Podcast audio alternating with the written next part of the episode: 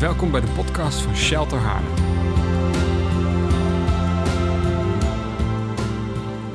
Goedemorgen allemaal. Als je zo'n kerk binnenkomt, een samenkomst waar je je thuis voelt en je wordt zelf geraakt door de aanbidding, dan ben ik altijd een beetje van slag. Denk heer, wat gaan we nou doen eigenlijk? en ik heb pas gisteren bijbelteksten ingestuurd, omdat ik af vorige week wat ziek was. Ehm, maar ik heb besloten een andere preek te houden, dus goed dat die mail ook niet aangekomen is en zo. Ik wil iets anders met jullie delen waar ik denk waar God mijn aandacht op richt op dit moment. En uh, bij Roy Mission, ik, vind, ja, ik zoek een beetje naar mijn woorden hoor. Maar bij Mission, we zijn zo gegrepen door de boodschap van het Koninkrijk om die te verkondigen en altijd anderen trainen om hetzelfde te doen. En dat zinnetje is voor mij zo waardevol dat we altijd mensen willen helpen om krachtig te zijn om verantwoordelijkheid te nemen. Om te beseffen hoe gezegend je bent. En, en die, passie hebben wij om uiteindelijk te zien dat er een herleving komt in de kerk. Ja, er zijn hier drie mensen die amen zeggen. Dus of ik moet hier meer preken of ik ga me richten op de fans. Wij dromen van een herleving in de kerk. Efeze 4. Waarom geeft Jezus bedieningen, apostelen, herder, profeet, evangelist? Om heiligen toe te rusten op dienstbetoon. Dus wat, waarvoor bedieningen zijn gegeven, is om uiteindelijk de kerk gezond en sterk te maken. En dat is niet een machtig gebouw en goede techniek. En, en nee, dat is mensen sterk maken, zodat ze niet meer op en neer, heen en weer onvolwassen zijn, maar steeds meer de volheid van Christus laten zien. Niet in deze zaal, maar waar je leeft. De kerk gewoon overal. En daar zijn die bedieningen voor gegeven dus de, de standaardvraag die ik dan stel is: wat is de eerste opdracht van een evangelist? En bijna iedereen antwoordt evangeliseren. Het antwoord is nee. Het antwoord is mensen leren om het evangelie door te geven. Dus de ene kant, bedieningen zijn gegeven om de kerk toe te rusten. En het draait dus altijd allereerst om mensen en niet om taken. Ja, evangelist, mijn taak is evangeliseren. Nee, je opdracht is mensen toerusten. Iedereen heeft allereerst de opdracht, want God gaat het altijd om mensen. Om mensen. Mensen die bekracht worden. Mensen die op Jezus gaan lijken. Mensen die Hem eer geven. Mensen die andere mensen laten zien hoe mooi Jezus is. Mensen die andere mensen meenemen in dat leven met Jezus. Oh, het is een eindeloos prachtig avontuur. En uiteindelijk zo simpel. God verbindt zich aan mensen. Mensen verbinden zich aan God. En mensen gaan uitdelen wat ze ontvangen hebben en nemen anderen mee. En dan is kerk zijn zo verschillend, want je hebt zo verschillende mensen dat er zoveel vormen kunnen ontstaan waarin mensen samen optrekken als gezin van de koning. En voor ik een stukje ga lezen, eh, vanuit deze, dit verlangen en de groei die ik de afgelopen jaren heb meegemaakt als Royal Mission, gaan we in het najaar een nieuwe school beginnen. En waarom gaan we niet... We hebben al fulltime bijbelschool, part onderwijs, we hebben school voor leiders, school voor jonge leiders. Al, maar die school gaat heten School voor Kerkherleving. Als je droom is het leven van de kerk, moet de dag komen dat je zegt... en nu gaan we echt focussen daarop. En het bijzondere is... En uh, ik zeg, er is een livestream loopt er nu, hè? Ja, dan moet ik even opletten welke, hoe ik het vertel. Maar een belangrijk leider in ons land die niet in mijn denominatie zit. Die eigenlijk vanuit zijn achtergrond niets weet over, of weinig weet over profetie en woorden van God. Daar kwam iemand bij me op bezoek, waarmee hij samenwerkt, die hij kent. En die zei, uh, ik heb een profetie voor je. Oh. Nou, hij staat daar wel voor open, maar dat is wat nieuw voor me. En de profetie is, jij moet contact zoeken met Martin Kornstra... Want jullie moeten samen iets betekenen voor het leven voor de kerk in ons land. Ik ben maar gewoon Martin. Hè. Ik leid wel een organisatie, maar dat is het. En deze man heeft veel invloed in de kerk in Nederland. Het bijzondere is dat de persoon die dat uitsprak niet weet dat ik bevriend ben met deze man. En we hebben elkaar op een bijzondere manier ontmoet.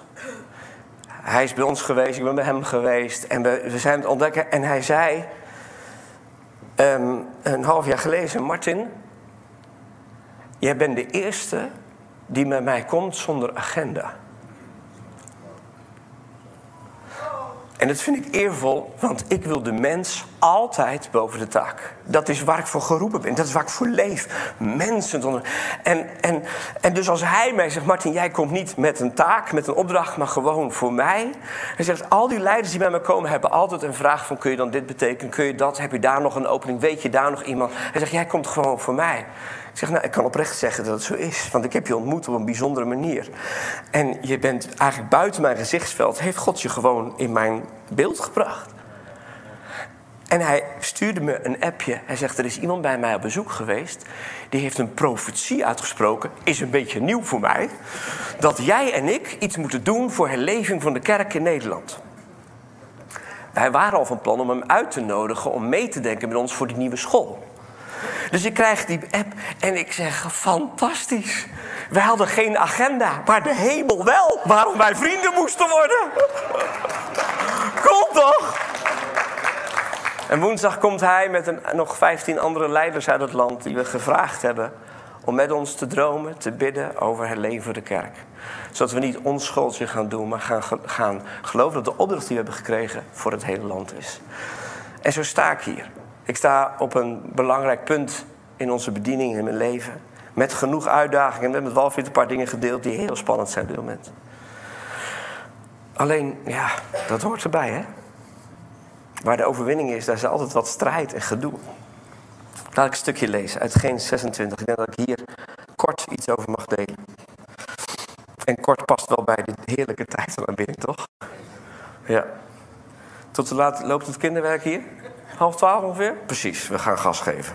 Genesis 26. Staat dus niet op de beamer, want ja, ik heb het niet ingeleverd. Dus Genesis 26, vers 18. De waterputten die in die tijd van zijn vader Abraham waren gegraven. Genesis 26, vers 18. Jongen, jongen, jongen. Die heeft de hele nacht zitten bidden. Heer, wat gaat hij doen? En hij had het gewoon klaar. Prachtig. Profetisch beameren heet dat. De waterput in de tijd van zijn vader. Trouwens, dat van tevoren indienen van Bijbeltekst is ook kansloos dus. Het is er gewoon altijd. Goed, de waterputten die in de tijd van zijn vader Abraham waren gegraven... en die de Filistijn na Abrahams dood hadden dichtgegooid... groef Isaac weer open. En hij gaf ze dezelfde namen als zijn vader ze had gegeven. Ook Isaac knechten gingen in het dal aan het graven... en ze troffen een bron aan met helder water... Maar de herders uit Gerar maakten ruzie met Isaaks herders. Dat water is van ons, zeiden ze. Omdat hij hierover oneenigheid met hen had gekregen, noemde hij die bron Esek. Toen groeven ze een andere put en ook daarover kregen ze ruzie. Hij noemde hem daarom Sitna. Daarom trok hij verder en weer groef hij een put. En hierover ontstond geen oneenigheid. Hij noemde hem Rehobot of Rehobot. Want hij zei, nu heeft de Heer ons ruimte gegeven in dit land en kunnen wij ons uitbreiden. De putten van Abraham, die gegraven waren, waar water stroomde en waar Filistijnen stenen in hadden gegooid. Het volk Israël heeft altijd strijd met allerlei Amalekieten, Jebusieten, Girgazieten, Midianieten. En zijn al die iten, hè? Deugenieten, wat is stalactieten, megen, ja, dat zijn al die iten. En dan heb je de Filistijnen. En de Filistijnen komen iedere keer, in elke generatie komen die weer langs. Je hebt die volken, maar dan de Filistijnen. En voor mij is de Filistijnen een beeld van... we hebben altijd bepaalde fases dat je strijd voert tegen dit. De focus is daar, de focus is daar. Maar in ons persoonlijk leven heb je altijd last van Filistijnen. Er zijn altijd, er zijn altijd dingen die spelen. En wat doen die Filistijnen? Eh, die gooien putten dicht. Stromen van bronnen in jouw leven die daar zijn, die gooit hij dicht. En dat doet de Filistijnen ook door de geschiedenis heen. Ze proberen dingen die geweest zijn, waar God leven bracht, weer te stoppen, zodat het voelt van ja, maar dat was voor toen. En ik weet niet heel veel van de geschiedenis van Shelter Haarlem. Maar een van de verhalen die me jaren geleden enorm geraakt heeft, is toen eh, Jan en Marijke zijn vrienden van ons, toen Jan vertelde over hoe jullie op straat aan het evangeliseren waren. En er zoveel kracht was dat mensen gewoon op straat onder de kracht van God vielen en geraakt werden. En mensen zomaar tot bekeer genezen werden, ouders erbij gehaald. Ik weet de details niet meer. Maar dat het zoiets was van in de omtrek hier, er is gewoon kracht. En het gebeurt spontaan. En natuurlijk, je kan zeggen, alles heeft zijn fases en seizoenen. Maar God wil in elke kerk altijd kracht geven. God wil in elke kerk altijd kracht geven. Dat er spontaan op allerlei plekken wonderlijke dingen gebeuren. Maar blijkbaar verdwijnen soms weer dingen en wordt het lijker. En zijn er in de geschiedenis ook van deze kerk dingen gegaan zoals ze niet moesten gaan, waardoor water is gestopt te stromen. En ik, zei, ik weet niet veel van de geschiedenis, maar ik weet wel dat, er, dat deze kerk deel uitmaakt van een beweging waar heel veel kracht was, heel veel zegen, heel veel doorbraak. En ja, er zijn dingen gebeurd waardoor dat water op die manier niet meer stroomt. En misschien denk oh jij komt hier even vertellen hoe het is. Nee, het gaat ook over mij. Ik, heb, ik kom uit een geslacht van veel wonderen. Mijn ouders, mijn vader, heeft zoveel wonderen meegemaakt. Zoveel wonderen. Er werd zelfs op een bepaald moment over hem gezegd dat als hij bad voor iemand met MS, multiple sclerose, dat hij genezen werd.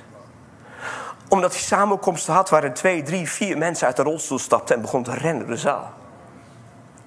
Op een dag is dat verhaal zo bekend dat er een vrouw is in een rolstoel. Die zit helemaal verkromd in de rolstoel. En het is een van mijn favoriete verhalen om te vertellen. Omdat het zo illustreert hoe God werkt en hoe God mensen uitnodigt om met hem mee te werken. En, en ze wordt naar voren gerold. Ze zit helemaal verkromd in de rolstoel. De begeleider staat ernaast. En mijn vader wil haar de handen opleggen. En op het moment dat hij haar haar maar aanraakt, rent ze de rolstoel uit. En waarom gebeurde dat? Oh, door de kracht van God. Maar vooral omdat deze vrouw de vorige dag tegen haar verzorgster had gezegd: Wij gaan naar de winkel toe.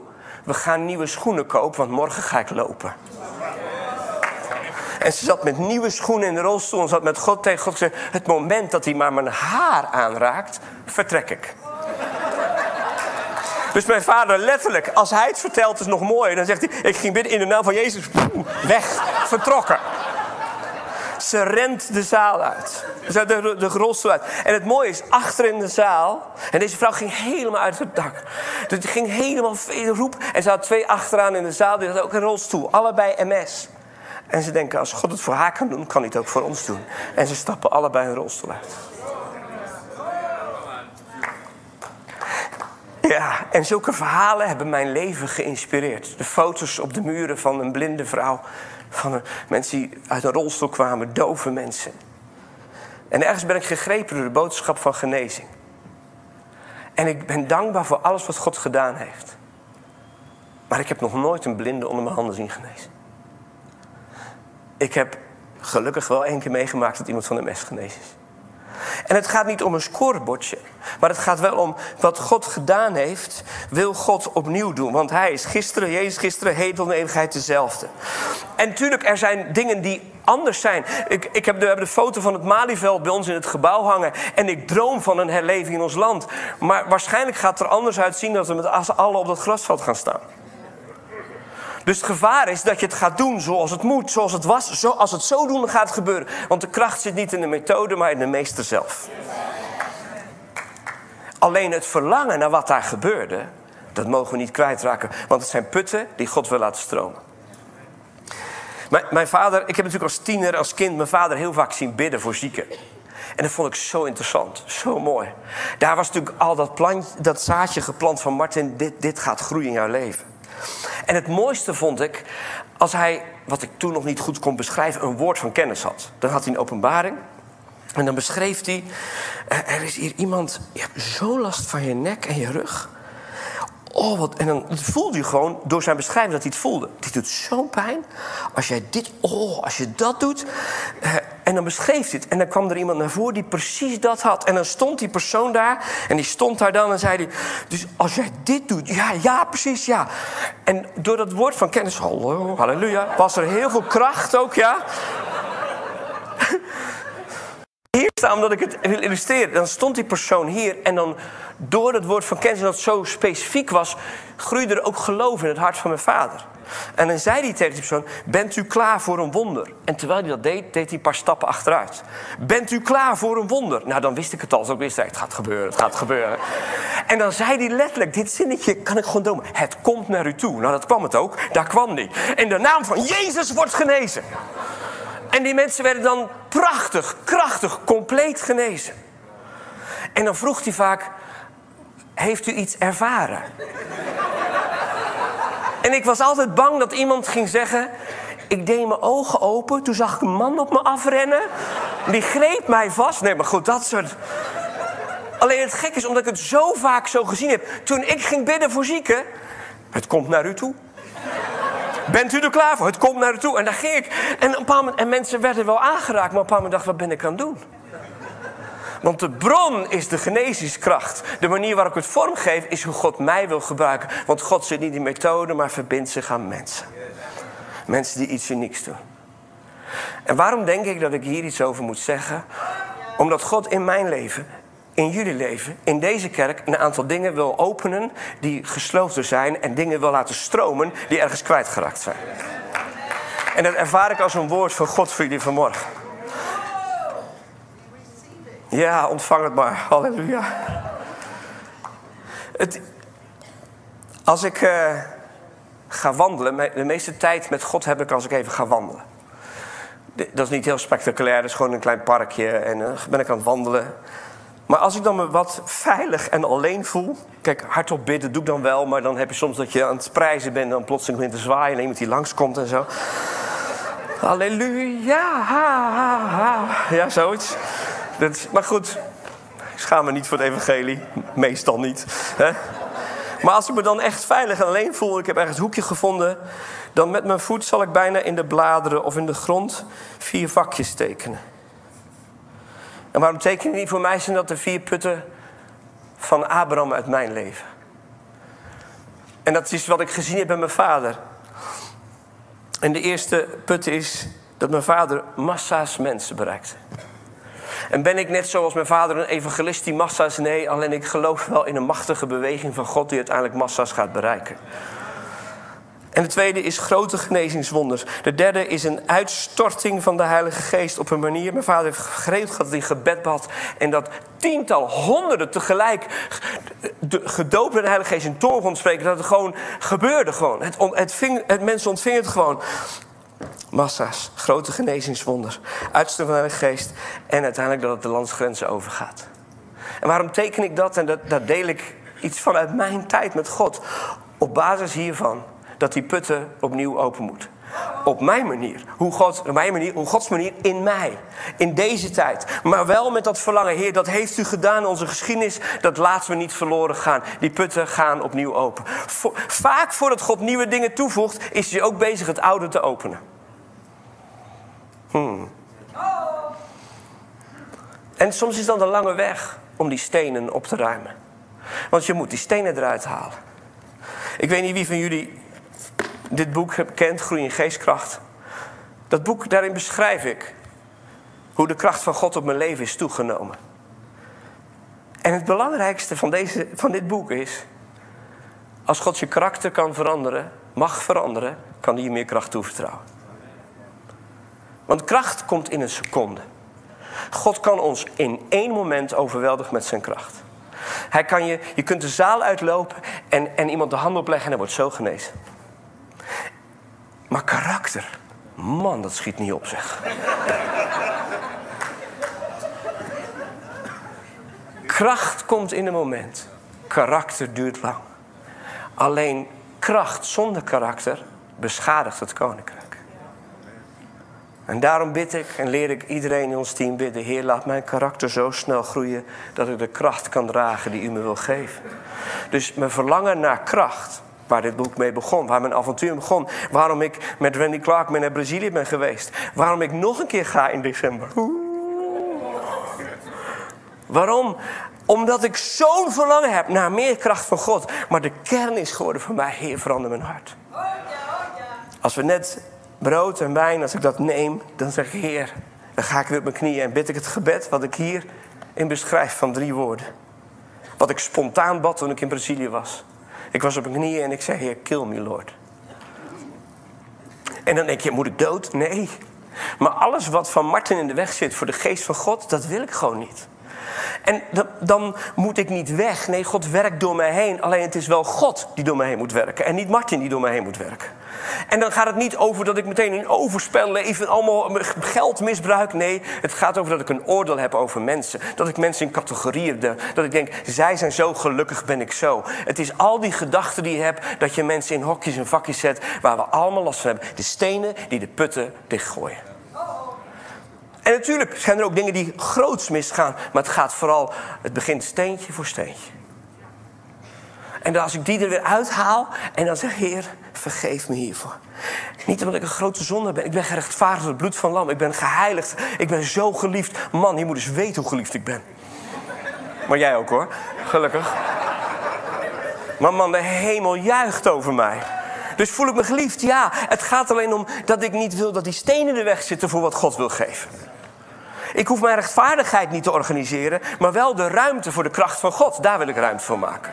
Zodat mijn hart verandert, zodat ik kan dragen op met die schijnend en schitterend naar Jezus toe wat hij aan het doen is. En als die putten open gaan, dan gaat het allemaal stromen. En ja, ik zie de toename van de kracht. Van de meer mensen die we mogen bereiken.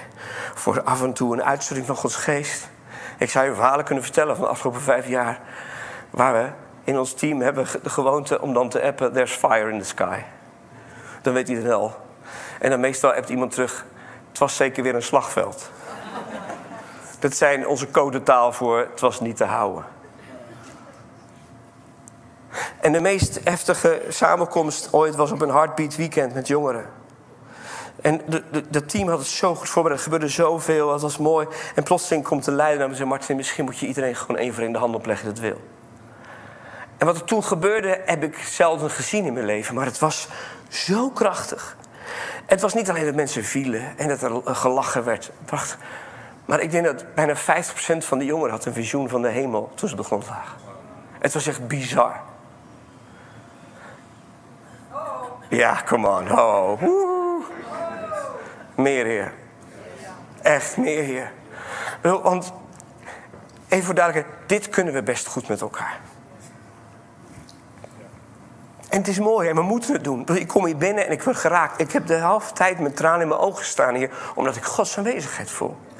Alleen ook die aanwezigheid is zodat wij meer worden zoals Hij. En gewoon leven, het leven zoals God het bedoeld heeft. En dat we al die stenen eruit gooien. En als het water gaat stromen, komt er ook een verlangen, maar dan zijn er nog nieuwe putten. En elke nieuwe put is vijandigheid, ruzie, tot de dag dat je er doorheen bent. En nu heeft ons God ons nieuw gebied gegeven. En ik garandeer u dat de belofte van God is: het is een strijd om die nieuwe putten te openen. Maar de dag komt dat jullie ook als kerk zullen zeggen: nu heeft de Heer ons ruimte gegeven. En nu zullen we vruchtbaar zijn in het land. For sure. Geef niet op. Maar ruim wel op.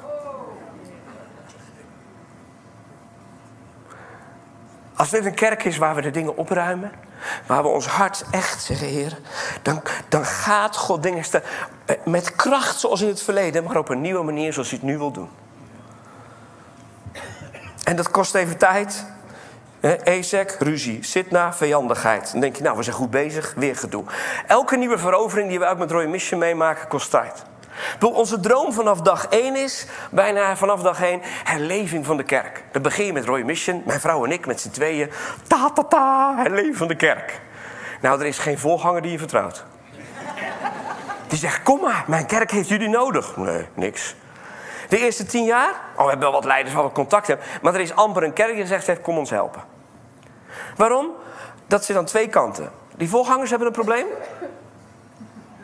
Ja, dat geldt hier niet. Jullie kijken ineens allemaal heel heilig. Nee, nee, dat hebben wij hier niet. Die denkt dat ze al zelf kunnen.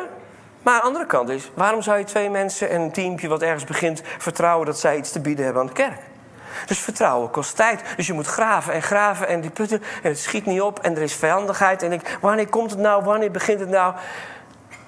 Corona was voorbij, maart 2022. Ongeveer. Tussen maart 22 en, en december eh, 22, dus het laatste, laatste deel van vorig jaar, zijn zeven denominatieleiders bij ons op bezoek geweest. En drie landelijke organisaties. En dan gaat niet om, zo, wij hebben ze binnen. CV, het staat erop. Nee, het is iets wat God doet. Blijkbaar kost het ook gewoon tijd om te graven en die steen op te ruimen. En is er eerst vijandigheid van. En dan is ik, en nu geeft de Heer ons ruimte. En dat Alfa Nederland bij ons komt en zegt: je ons helpen? En moet er vervolg komen op Alfa, want al die mensen willen verder en jullie kunnen iets met discipelschap. Via de musketier komt bij ons en zegt: Ja, jullie, we hebben die mensen die allemaal gaan lopen, een muskathlon, maar die moeten in die negen maanden voorbereid niet alleen leren geld verzamelen en gezond worden, ze moeten ook geestelijk volwassen worden voordat ze gaan. En, en kunnen wij het allemaal? Nee, want eens denk ik: Wat moeten we allemaal doen? We hebben zoveel, dat kunnen we allemaal niet. Maar blijkbaar kost het tijd voordat het. Maar als het dan gaat stromen, dan weet ik, er komt een heel vruchtbare tijd aan. En daarom durf ik het ook dat we die stappen zetten naar de nieuwe school. Laat ik afronden voor jullie. Jezus, ja. Wat God in het verleden gedaan heeft, wil hij opnieuw doen. En dat is niet alleen maar wishful thinking, dat is wat God gegeven heeft. Alleen hij gaat het wel op een andere manier doen. Geef God de ruimte om het anders te doen, maar wel met dezelfde kracht, intensiteit, karakter, kleur vanuit de hemel. Maar dat het, dat het weer een plek wordt waar we horen van de verhalen die op straat gebeuren. Waar de straat hier gewoon binnenloopt omdat ze weten hier gebeurt het. Dat we als mensen gewoon overal die glorie van God laten zien. Omdat we bereid waren die stenen op te ruimen uit het verleden, maar ook voor de toekomst. Te graven, graven. Tot het waar. En als er ruzie, denk ik, we hebben het gevonden. Oh, er is nog geen erkenning, er is nog geen ruimte. Opnieuw, opnieuw. Tot je op het punt komt dat je als kerk kunt zeggen: En nu heeft de Heer ons ruimte gegeven. En zullen wij vruchtbaar zijn voor het land. HSV zegt het zo mooi, hè? Die zegt: Nu heeft de Heer ruimte voor ons gemaakt. En zullen wij vruchtbaar zijn in dit land. Ik bid voor jullie dat de Heer jullie vruchtbaar zal maken in dit land. En dit land kan Nederland zijn, kan ook dit Haarlemland zijn, maar gewoon de plek waarvoor jullie verantwoordelijk zijn. En ik voel aan de, de tijd van de aanbidding dat er iets in de lucht hangt. Dat er iets kan gebeuren. En dat, het, dat God wel wil. En, maar God doet het met ons. God kan ons overweldigen met zijn kracht, maar hij verandert ons zodat we die kracht ook kunnen dragen en meenemen. Mooie samenkomsten is prachtig, een mooie, mooie buurt is veel mooier. Toch? Zullen we elkaar gaan staan?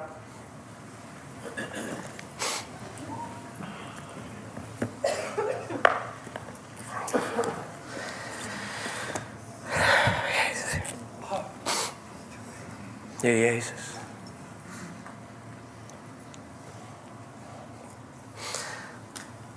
Ik ga voor jullie bidden, omdat ik geloof dat God hier gewoon eenvoudig deze gedachte neerlegt. Wat geweest is, mag ik het opnieuw doen? Je ervoor gaan dat het weer mag gebeuren?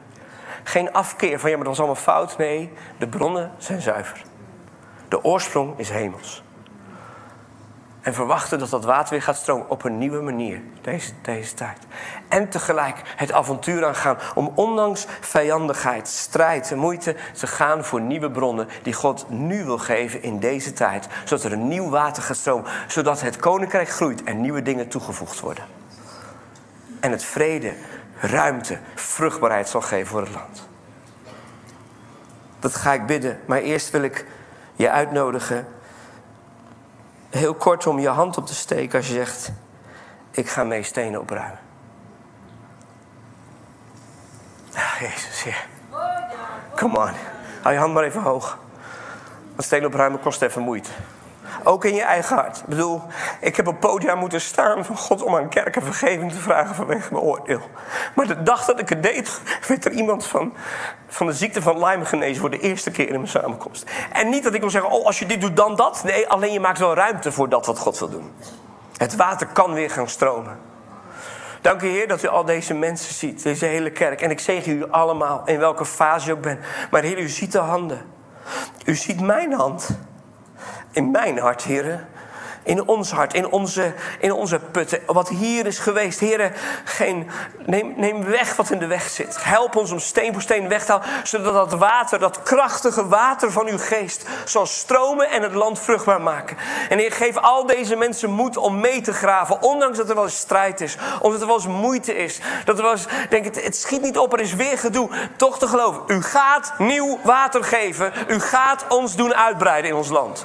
Dank u Heer dat u die belofte over ons legt. En ik zegen u. Ik spreek het ook over je uit. Dat wanneer je deze weg gaat, water zal stromen. Het land vruchtbaar zal zijn. En je van betekenis en van waarde zult zijn voor heel veel mensen in deze omgeving. Wees zo gezegend. In Jezus' naam. Amen. Amen. Dank voor het luisteren naar onze wekelijkse podcast. De missie van Shelter is Gods Koninkrijk zichtbaar maken in onze wereld. Wil je onze gemeente financieel ondersteunen in deze missie? Ga dan naar www.shelter-haarlem.nl geven.